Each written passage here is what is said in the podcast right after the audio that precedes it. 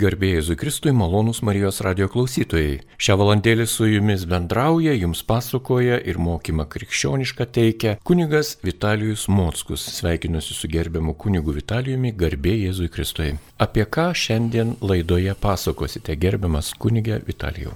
Per amžius, brangus klausytojai, šiandien norėčiau pakalbėti, pamastyti ir galbūt e, supažindinti kai ką, o kas jau yra susipažinęs, tai galbūt kartu pasigilinti į vieno iš žinomiausių šventųjų gyvenimą ir mokymą, jo raštus, kiek tai leidžia laidos formatas.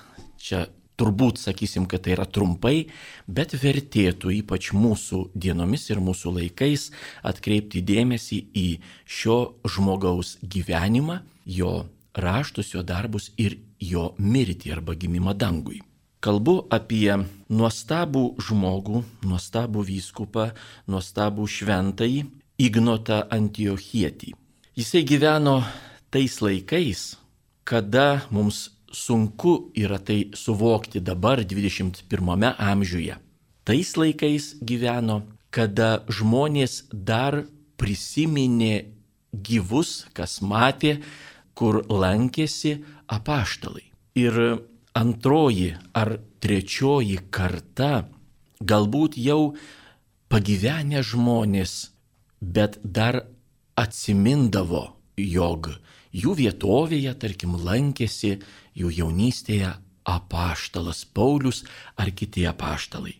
Maža to, dar buvo žmonių, kada gyveno Ignotas Antiochietis, kurie galėjo pasakyti, jog aš gyvenau tada, kada tarp žmonių žemėje gyveno Jėzus Kristus. Taigi Ignotas Antiochietis gyveno pirmojo amžiaus antroje pusėje ir antrojo amžiaus pradžioje.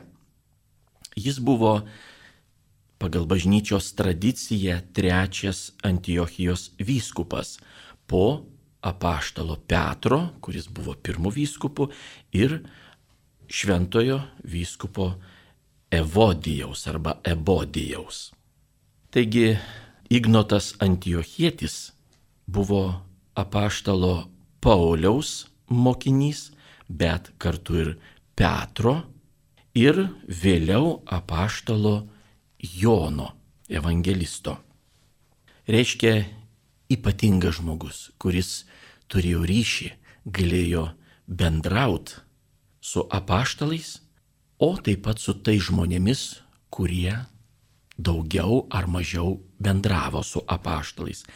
Reiškia, jis yra ta antroji karta po Kristaus. Mirė jisai, tiksliau buvo nužudytas 107 metais. Yra kitų versijų, tai gali būti ir 110 metai arba 112, bet ortodoksų bažnyčioje priimta data 107 metai. Tai imperatoriaus Trajano laikai, kada buvo jisai nuteistas ir Romoje, koliziejuje sudraskytas žvėrių.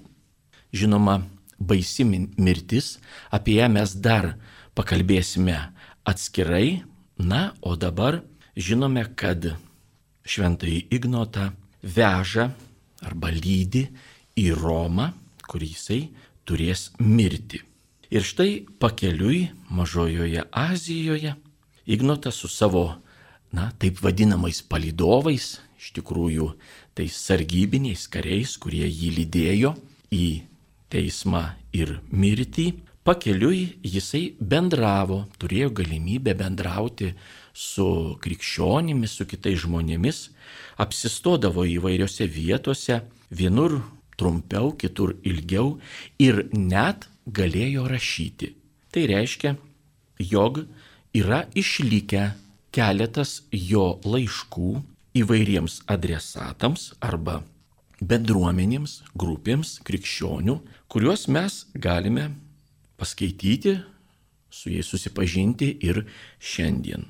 Taigi Ignotui buvo leista, buvo duota galimybė rašyti laiškus ir kreiptis į krikščioniškas bendruomenės, kurisai dėstydavo ir savo tos kelionės į mirtį motyvus, kodėl jis tai daro su ypatinga pakile nuotaika. Na ir žinoma, mokyti žmonės, jis vyskupas ir kreipdamasis jisai ragina krikščionis atitinkamai gyventi, moko, juos bando apsaugoti nuo įvairių netikrų mokymų, nuo erezijų ir žinoma atskleidžia mokymą apie Dievą, apie Jėzų Kristų, apie Dievą Tėvą, apie Šventąją Dvasę. Taigi iki šių dienų yra išlikę septyni Ignoto laiškai įvairioms bažnyčioms, įvairioms bendruomenėms, kuriom, į kurias jisai kreipėsi. Tai yra efeziečiai, romiečiai, į Troadą kreipėsi Troados krikščionis, į magneziečius, traliečius, filadelfiečius, Smirnos miesto krikščionis ir į Smirnos vyskupą Polikarpą.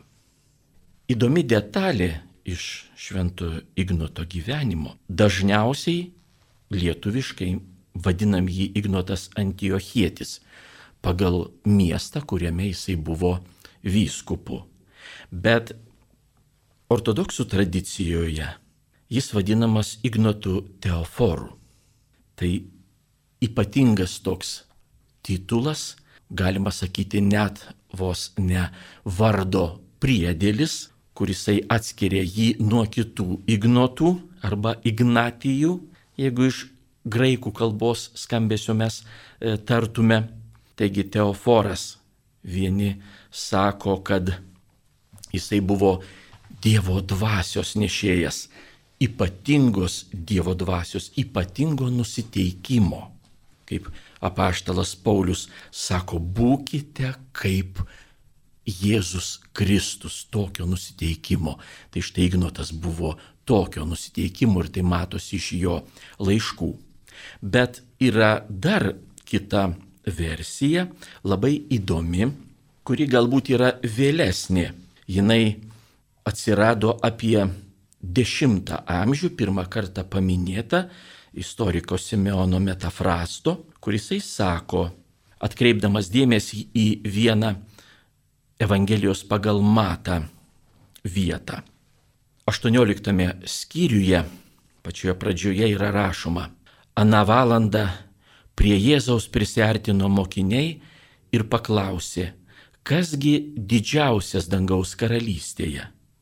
Pasišaukęs vaikutį, Jėzus pastatė tarp jų ir tarė, iš tiesų sakau jums, jeigu neatsiversite ir nepasidarysite kaip vaikai, neįeisite į dangaus karalystę. Taigi, kas pasidarys mažas kaip šis vaikelis, tas bus didžiausias dangaus karalystėje. Taigi, skaitydami arba prisimindami tą vietą, Simeonas metafrastas sako, turėkime omeny, kad tas vaikelis, kurį pakėlė ant rankų ir parodė e, aplink stovintiems žmonėms, mokiniams, tas vaikelis ir buvo šventas Ignotas. Vaikystėje, kūdikystėje galbūt. Taigi jį ir vadina Teoforu, tą, kurį Dievas nešiojo ant savo rankų. Taigi įdomi tokia istorinė detalė.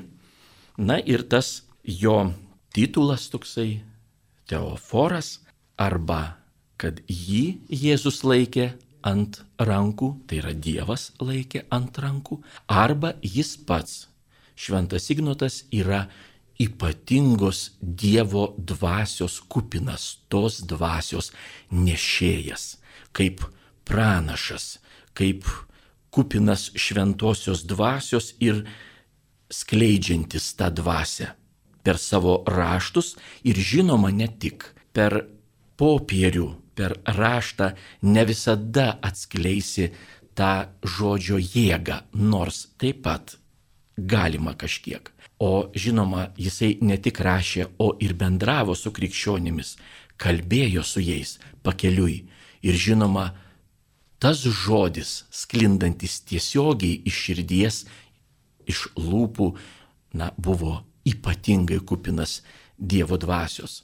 Atsiminkime vėl kitas šventojo rašto vietas, kur šventieji apaštalai skelbė prisikėlusi Jėzų ir klausydamiesi jų žodžių, žmonės susirinkę aplinkui staiga atsiverčia ir mes žinom, kad būdavo norinčių pasikrikštyti kartais ir šimtai.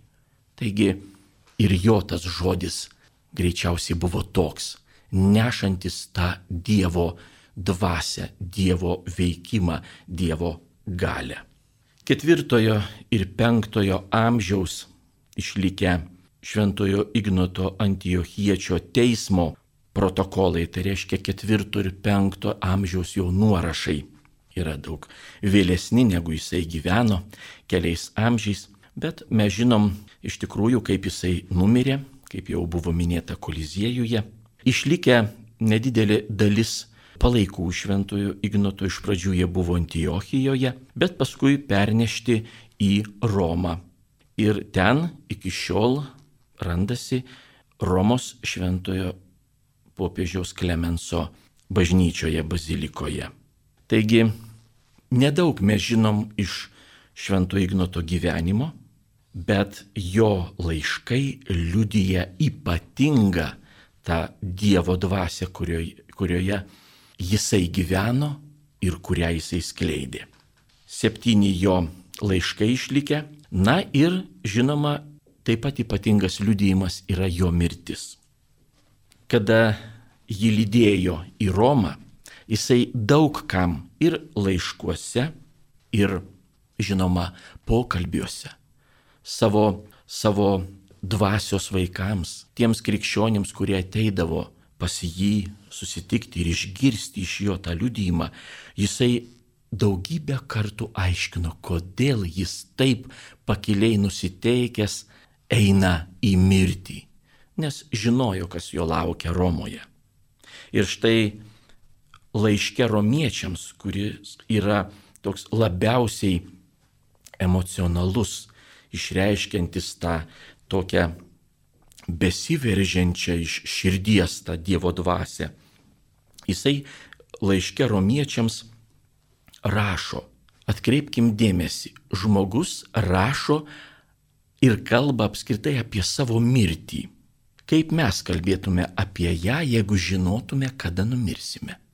Na, tarkim, galbūt tiksliai valandos ar net ir dienos nežinom, bet žinom, kad tai bus šį mėnesį, arba šią vasarą, arba šį met, ne vėliau. Ir jau žmogus pakeliu, jis jau eina. Kada jisai atvyks į Romą, jisai mirs. Ir mirs baise mirtimi ir kaip jisai apie tą savo mirtį, jau artėjančią, jau matomą, jau galbūt net juntama, bent jau visi apie ją žino ir neišvengiamą mirtį, jisai rašo, man nereikalingi žemės džiaugsmai, nei šio amžiaus karalystės.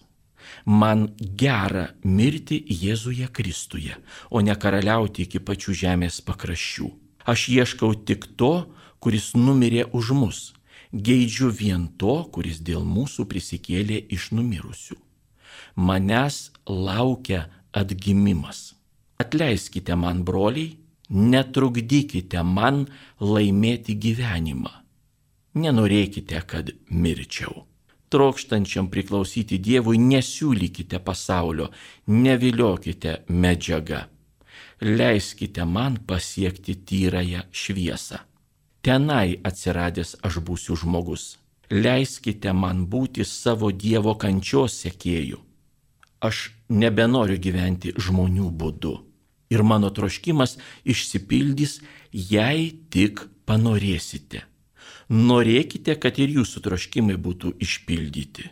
Taigi toks prašymas romiečiams turbūt buvo kažkoks kontekstas. Žinoma, atsirasdavo, atsirado tokių, kurie siūlė jam mes užstosim, mes gal su kuo nors pakalbėsim, mes paprašysim, kad tavęs nepasmerktų myriop, kad tave paleistų arba bent jau, na, iki gyvos galvos laikytų kur nors kalėjime, bet tu būsi gyvas ir mes galėsim su tavim bendrauti. Būna tokių pasiūlymų visais laikais ir dabar turbūt. Ir štai žmogui atrodytų šviečia kažkokia tai galimybė, dar viltis likti gyvam čia šiam pasaulyje. Bet jisai prašo tų, kurie jam siūlo tokį, tokį variantą. Nedarykite to. Jūsų prašau. Taigi nepasinaudojo tą galimybę, kad kas užstotų jį. Galbūt ir pavyktų. Turbūt jeigu jau taip siūlė, ne kartą ir pavykdavo. Bet Ignotui tai nebuvo išeitis. Jisai norėjo numirti Jėzuje Kristuje, kaip ir sakė arba rašė tik ką cituotoje vietoje. Man gera mirti Jėzuje Kristuje. Taigi jisai tik tai tokią matė savo gyvenimo pabaigą ir niekada nors, O dabar, nes dabar jam išpuola nuostabi galimybė jau žengti į tą karalystę, kurioje laukia jo Jėzus Kristus. Štai kaip jis vertino tą momentą, mirtį, taip baisę mirtį, bet tą perėjimą į amžinybę. Ne kiekvienas iš mūsų išdrįstų taip pagalvoti apie savo mirtį. Tegu net ir netokia baise, mūsų dabar niekas neveža, neveda į koliziejų ar kitas vietas, kur krikščionys ar ir nebūtinai krikščionys e, žudytų ir dar taip baisiai, tarkim, duotų sudraskyti liūtams ar tigrams ar kitiems žvėrims. Tikrai baisi mirtis. Niekam nelinkėtume to. Bet jeigu mes kalbėtume ir tiesiog apie įprastą mums mūsų gyvenimo čia žemėje pabaigą. Štai numirti namie, ramiai, tyliai, ko mes ir prašom pamaldų metu, kad ta paskutinė valanda, paskutinė minutė, paskutinė diena ar akimirka būtų tyli, rami, taiki, taiki, reiškia taikoje su Dievu ir žmonėmis, kad mes iškeliautume amžinybėn čia neskolingi niekam, o turime omeny reiškia visiems atleidę, su visais susitaikę, bet svarbiausia susitaikę su Dievu, ramybėje iškeliautume. O kaip mes, jeigu pradėtume bent jau mąstyti apie tą paskutinę mūsų minutę šiame gyvenime, ar ji būtų mums atrodytų tokia rami, tyli, ar mes patys būtume ramus, jeigu žinotume, kad neužilgo va dabar liko galbūt mėnuo, galbūt šią vasarą, neilgai teks pabūti čia. Taigi, kaip mes jaustumėmės, ar ramus, kur mes pultume, ar atlikti kažkokiu dar reikalų, ar panikuotume, ar tiesiog mus ištiktų širdies priepolis, infarktas, tik pagalvojus, kad va jau dabar artėja tas laikas, tas momentas, ar mes pultume į maldą, pultume prisiminti, kamgi aš dar neatleidau, ar kam aš esu skolingas. Tai yra susipykę su juo. Gal dabar reikia greičiau griebtis telefono ir paskambinti, jeigu negaliu susitikti ir susitaikyti su tuo žmogum. Paprašyti atleisti man už tai, ką aš padariau, kaip aš pasielgiau. Ir todėl dabar tas žmogus pyksta ant manęs arba mini negerų žodžių. Taigi, kaip mes elgtumėmės? Ar mes prašytume žmonių, kurie sakytų, ką dar galiu padaryti, kad tu liktum čia, mes sustabdytume ir sakytume, nieko nedaryk. Paskutinėmis tomis dienomis pabūk su manim, pabendraukim gražiai, pasimelskim kartu, krikščioniškai praleiskim tą laiką maldoje, ramybėje, vienybėje tarpusavyje, taikiai ir tu pasimelsk už mane, kad mane viešpats priimtų. Ar mes priimam savo mirtį kaip šventę? Šventę amžinybės perspektyvoje. Jeigu viskas baigėsi ir už mirties slengščio, už karsto dangčio jau daugiau nieko nebėra. Žmogus nustoja būti, dinksta. Tada žinoma, tai yra baisu. Mes po tos akimirkos nebesam daugiau.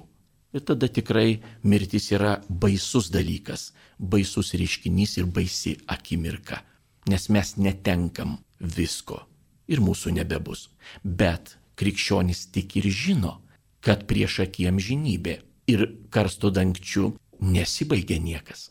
Pasibaigia tik tai labai trumpas amžinybės tarpsnis. Čia žemėje mes gyvenam ir ruošiamės tam begaliniam tarpsniui tam begaliniam gyvenimui.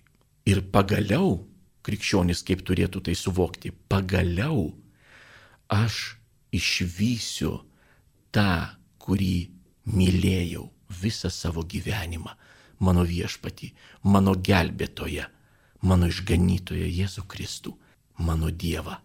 Pagaliau aš galėsiu su juo bendrauti betarpiškai. Pagaliau mano akis jį išvys, kurį Galbūt ašgi nusidėlis esu, nevertas to, bet aš mokiausi jį pamilti, aš labai norėjau ir troškau jį pamilti ir be jo negalėjau gyventi. Ir tada įgauna prasme ir tas neilgas tarpsnis mūsų gyvenimas, kadangi jeigu aš išvysiu savo išgelbėtoją, aš išvysiu savo viešpati Dievą, tai reiškia, jog aš turiu pasiruošti tam Tam ir buvo duoti tie metai. Daugiau jų ar mažiau, bet tam ir buvo duoti. Taigi, ar pasiruošiau? Dar liko, kaip šventam Ignotui Antiochiečiui, kažkiek laiko jis keliauja į Romą. Ten jisai baigs savo gyvenimo, šio gyvenimo kelionę ir išvis viešpatį. Ir jis buvo įsitikinęs, kad jis prisikels, nes viešpats prikelia visus, kurie numiršta tikėdami jį. Ir štai tos paskutinės dienos, paskutinis laikas, kaip jis bus mūsų panaudotas, kaip jisai bus praleistas, kaip mes nugyvensime tą laiką. Ir todėl kiekviena sekundė tampa svarbi. Mes neturėtume įkvoti savo laiko, kiek jo beliko. Gal kam nors iš mūsų viena diena, gal kas nors iš mūsų nebeišvis rytojaus. Gal kas nors iš mūsų nugyvens dar ilgus dešimtmečius. Tai nesvarbu. Laikas bėga ir ateina metas, kada mes pradedam skaičiuoti, o kiek man dar liko. Ir nesuskaičiuosim, nes iš tikrųjų nežinom. Taigi kiekviena sekundė, kiekviena minutė, kiekviena diena yra svarbi mūsų išganimui. Mes galime tą minutę susižeisti, dvasinė prasme. Ir ta kraujuojanti žaizda neleis mums dorai gyventi ir išvysti viešpati. Arba galime tą minutę, tą dieną išsigydyti. Va šito moko mus šventas Ignotas, žinodamas, kad liko nedaug laiko. Malonus Marijos radijoje klausytojai, jūs girdite laidą, kurioje jums šiandien pasakoja kunigas Vitalijus Mockus. Savo laiškuose šventas Ignotas Antiochietis paliečia labai daug temų. Kreipdamasis į krikščionis, jisai nori, žinodamas, kad nedaug beliko laiko, jiems pasakyti svarbiausia. Gyvenkime su Kristumi, bijokime likti be Dievo, bet gyvendami būkime tvirti ir tikėkime ir žinokime, kas mūsų laukia. O mūsų laukia jis pats. Savo laiškuose, kalbėdamas apie Dievą, Šventas Ignotas pabrėžia jo vienybę. Vienas Dievas yra. Ne trys dievai, kada jis kalba minėdamas švenčiausiąją trejybę. Dievą tėvą, jo įsikūnijusi sūnų, šventąją dvasę yra vienas Dievas, garbinamas trijuose asmenyse. Atkreipkim dėmesį, tai yra antrojo amžiaus pradžia. Dar nėra pilnai suformuluota krikščioniškoji teologija, bažnyčios doktrina. Ji yra tas branduolys, bet ją suformuluot atitinkamai, kad visi galėtų e, kiek įmanoma suprasti ir nedviprasmiškai traktuoti, kad neatsirastų kokių tai erezijų, klaidingų mokymų. Jis labai tiksliai kalba. Jo laiškai yra labai paprasti, kupini jausmų, emocijų. Jis rašo tikrai matom, jog žinodamas, kad nedaug laiko beliko, taip lyg ir tokiom kartais nuotrupom, kartais tokio mintis viena baigėsi, kita iškart prasideda, nėra tos įžangos kažkokios, tai galbūt pabaigos, norėdamas pasakyti, perduoti svarbiausia.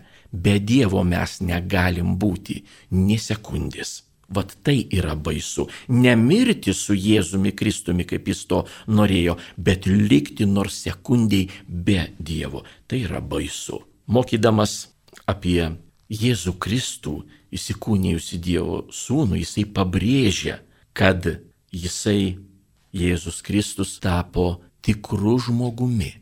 Jis buvo ir liko tikras Dievas per mergelę Mariją įsikūnijo, kūnų tapo toks, kaip mes tik be nuodėmės, ir tas kūnas buvo tikras. Jį galima buvo paliesti, jį galima buvo pajusti palietus ir jisai nesiskyrė nieko nuo kitų žmonių savo kūnu. Ir todėl, kalbėdamas apie Jėzų Kristų, jisai sako, kadangi jis buvo tikras žmogus, turėjo tikrą kūną, jis iš tikrųjų ir prisikėlė tuo išgelbėdamas mus iš blogio, iš šietono nagų. Ir rašo šventas Ignotas, Jėzų Kristų vadindama žodžiu, jis yra žodis kilęs iš tylos. Tai yra Dievo mintis.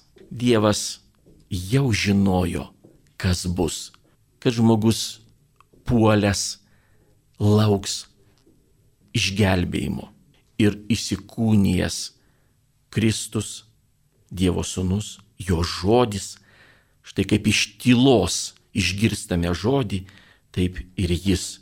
Neregimas, nematomas, bekūnis tapo kūnu. Taigi tai yra mūsų išganimo paslaptis, bet tai vyko realiai. Ir kodėl jis taip akcentuoja į Jėzaus Kristaus žmogystę, jo tikrąjį kūną, jo įsikūnymą, tą momentą, kada jisai tapo žmogumi. Todėl, kad jau ir anksčiau, ir apaštalas Jonas savo laiškuose jau mini žmonės, kurie kitaip moko, netiki. Ir ypač jau Ignoto Antiochiečių laikais buvo tokia grupė žmonių, kurią vadinam doketais doketizmo erezija. Nuo graikiško žodžio dokeo atrodau. Jie mokė, kad Jėzus Kristus tik tai atrodė kaip žmogus. Jis nebuvo visiškai tokio paties kūno kaip mūsų. Jie atmetė Euharistiją, o Euharistija galima tik todėl, kad Dievas įsikūnijo tik todėl, kad jis turėjo tikrą kūną ir tikrą kraują. Ir kadangi, kaip jie mokė, jis tik tai atrodė kaip žmogus, tai todėl ir nešventė Euharistijos. Kas jau šventam Ignotui, atkreipkim dėmesį, tai buvo antrojo amžiaus pradžia, buvo nekrikščioniška. Kas nedalyvauja Euharistijoje kartu su savo vyskupu, tas nėra bažnyčioje, tas nėra Jėzaus Kristaus mistinio kūno narys. Jis taip vadino bažnyčią. Jėzaus Kristaus kūnas, kuris suvienyje mus į vieną bendruomenę, vieną šeimą, vieną kūną. Ir kadangi doketai atmesdavo Euharistiją, nepripažindavo jos, jisai, šventas Ignotas, vadina juos bedieviais. Įsivaizduokim, mes dabar bažnyčiose ko ieškom? labai dažnai girdim tokį motyvą, argumentą, štai aš ateinu bažnyčią ieškodamas tylos, ramybės. netylos ir ramybės mes turėtume ten ieškoti. Dažnai užėjus kaip tik atvirkščiai mūsų sąžinė mus kankina, kad mes netokie, kokie turėtume būti. Ir todėl mes netampam tokie ramus, nusiraminam, o atvirkščiai, kol nestosim į šventumo kelią, į kelią dievop, tol nenusiraminsim. Todėl bažnyčiose mes turėtume ieškoti Dievo. Mes turėtume ieškoti Jėzaus Kristaus štai, ko ateinam tenai. Ir todėl jis ir sako, tie, kas atmeta Kristaus kūną, nedalyvauja Euharistijoje, nepriima komunijos, tie yra bedieviai. Dar jis ten emocingai taip išsireiškia, tai yra pikti šunys, žvėrys žmogiškų pavydalų. Štai kaip pasirodo yra baisu likti be Dievo, nors trumpam. Kaip yra baisu netrokšti priimti jį patį Euharistijoje, nešvesti jį patį, Jėzų Kristų, jo tikrą kūną ir tikrą kraują, priimti į save. Ir jeigu mes to netrokštam, jeigu mūsų gyvenime nėra to noro, štai artėja sekmadienis ir aš turiu priimti komuniją, nes kaipgi aš gyvensiu be to, aš negalėsiu tobulėti, mano dvasinis gyvenimas sustos. Tai tada iš tikrųjų esam bedieviai, mes netrokštam Dievo. Antrojo amžiaus pradžia. Taigi štai šventas Ignotas savo laiškais, bet svarbiausia savo gyvenimu, apie kurį mes nedaug žinom. Tik tai vat tos aplinkybės pasako, koks jis buvo, koks tas žmogus, ta asmenybė buvo. Mokomus. Trokškime Dievo. Bijokime likti be jo. Galimybėj esant, susipažinkime su jo laiškais. Tai yra liudijimas apie Dievą, apie mirtį, bet teisingai ją suprantant ir apie prisikėlimą žmogaus, kuris mokėsi iš pačių apaštalų, kuris bendravo, o paskui ir tapo vyskupu ir mokė tą kartą, kuri dar pažinojo apaštalus, kuri galėjo pasakyti, kad Jėzus Kristus gyveno visai neseniai, vat praeitame amžiuje. Mums sunku kaip ir buvo laidos pradžioje sakyta, sunku tai įsivaizduoti. Ir žinoma, mes tą liudijimą išgirstame iš žmogaus, kurį galbūt buvo savo rankose pakėlęs kūdikiu, būnant pats Jėzus Kristus. Taigi, ypatingas žmogus, ypatinga asmenybė. Jo septyni išlikę iki mūsų dienų laiškai efeziečiams, magneziečiams, traliečiams, romiečiams, filadelfiečiams, smirniečiams ir taip pat laiškas Polikarpui, visi tie laiškai rašyti jo kelionės į Romą arba kitaip pasakykime ir akcentuokim kelionės į mirtį žemiškojo gyvenimo pabaigą metu. Todėl tas liūdėjimas ypatingas yra, toks svarus, toks dinamiškas, toks tikras ne teorija, kuri taip prisiskaičius knygų galima kažką tai išmokus ir kitiems perduoti kokiu tai žinių. Ne, tai visa yra iš jo išgyvenimo, iš jo patirties. Ir ne tik to jau greitai besibaigiančio šio gyvenimo, bet iš patirties bendrystės ir vienybės su Dievu. Paprastas žmogus, kuris, na, nieko netrokšta, kad tik tai galbūt tapti arba išlikti neblogesniu nei kiti, kaip mes dažnai kalbam per išpažinti. Na, nusidėjau kaip visi. Tai štai toks žmogus tokių žodžių ir tokių liudijimų negalėtų ištarti. Ir to žmogaus žodžiai nebūtų tokie paveikus, neatverstų žmonių, o kartais net ir iš tiesų bendruomenių ypatingam gyvenimui. Arba tarkim, norui pasikrikštyti. O štai jo žodžiai tikrai iš patirties gilaus, nuostabaus, galbūt nepakartojamo, nes kiekvienam jisai savas, nepakartojamo bendravimo ir bendrystės su Dievu, to ypatingo potyrio ir patyrimo. Taigi susipažinkime su tais laiškais, juos galima rasti ir lietuviškai išleistoje Eidų leidyklos išleistoje 2003 metais knygoje Bažnyčios tėvai nuo apaštališkųjų tėvų iki Nikėjo susirinkimo antologija. Ir ten yra tarp kitų, kuriuos mes dar ateityje taip pat paliesim ir pakalbėsim apie juos, yra ir šventojo Ignoto Antiochiečio keli laiškai, iš tikrųjų keturi laiškai iš išlikusių septynių. Labai naudinga yra nuostabu susipažinti su tokiu pirmojo ir antrojo amžiaus pradžios žmogaus liūdėjimu. Tai nuostabi patirtis mums bus įkvepianti. Duok Dievę, kad ir mes patirtume ir įkvėptume bent nedidelę dalelytę tos dvasios, Dievo dvasios, kurios nešėjų buvo šventas Ignotas Antiochietis arba dar kitaip vadinamas Ignotu Teoforu, nešančiu Dievą arba Dievo nešamu. Laidą baigiame. Dėkoju visiems klausytojams už dėmesį su Dievu. Malonus Marijos radio klausytojai, jūs girdėjote laidą, kurioje jums pasakojo kunigas Vitalijus Mockus. Likite su Marijos radiju.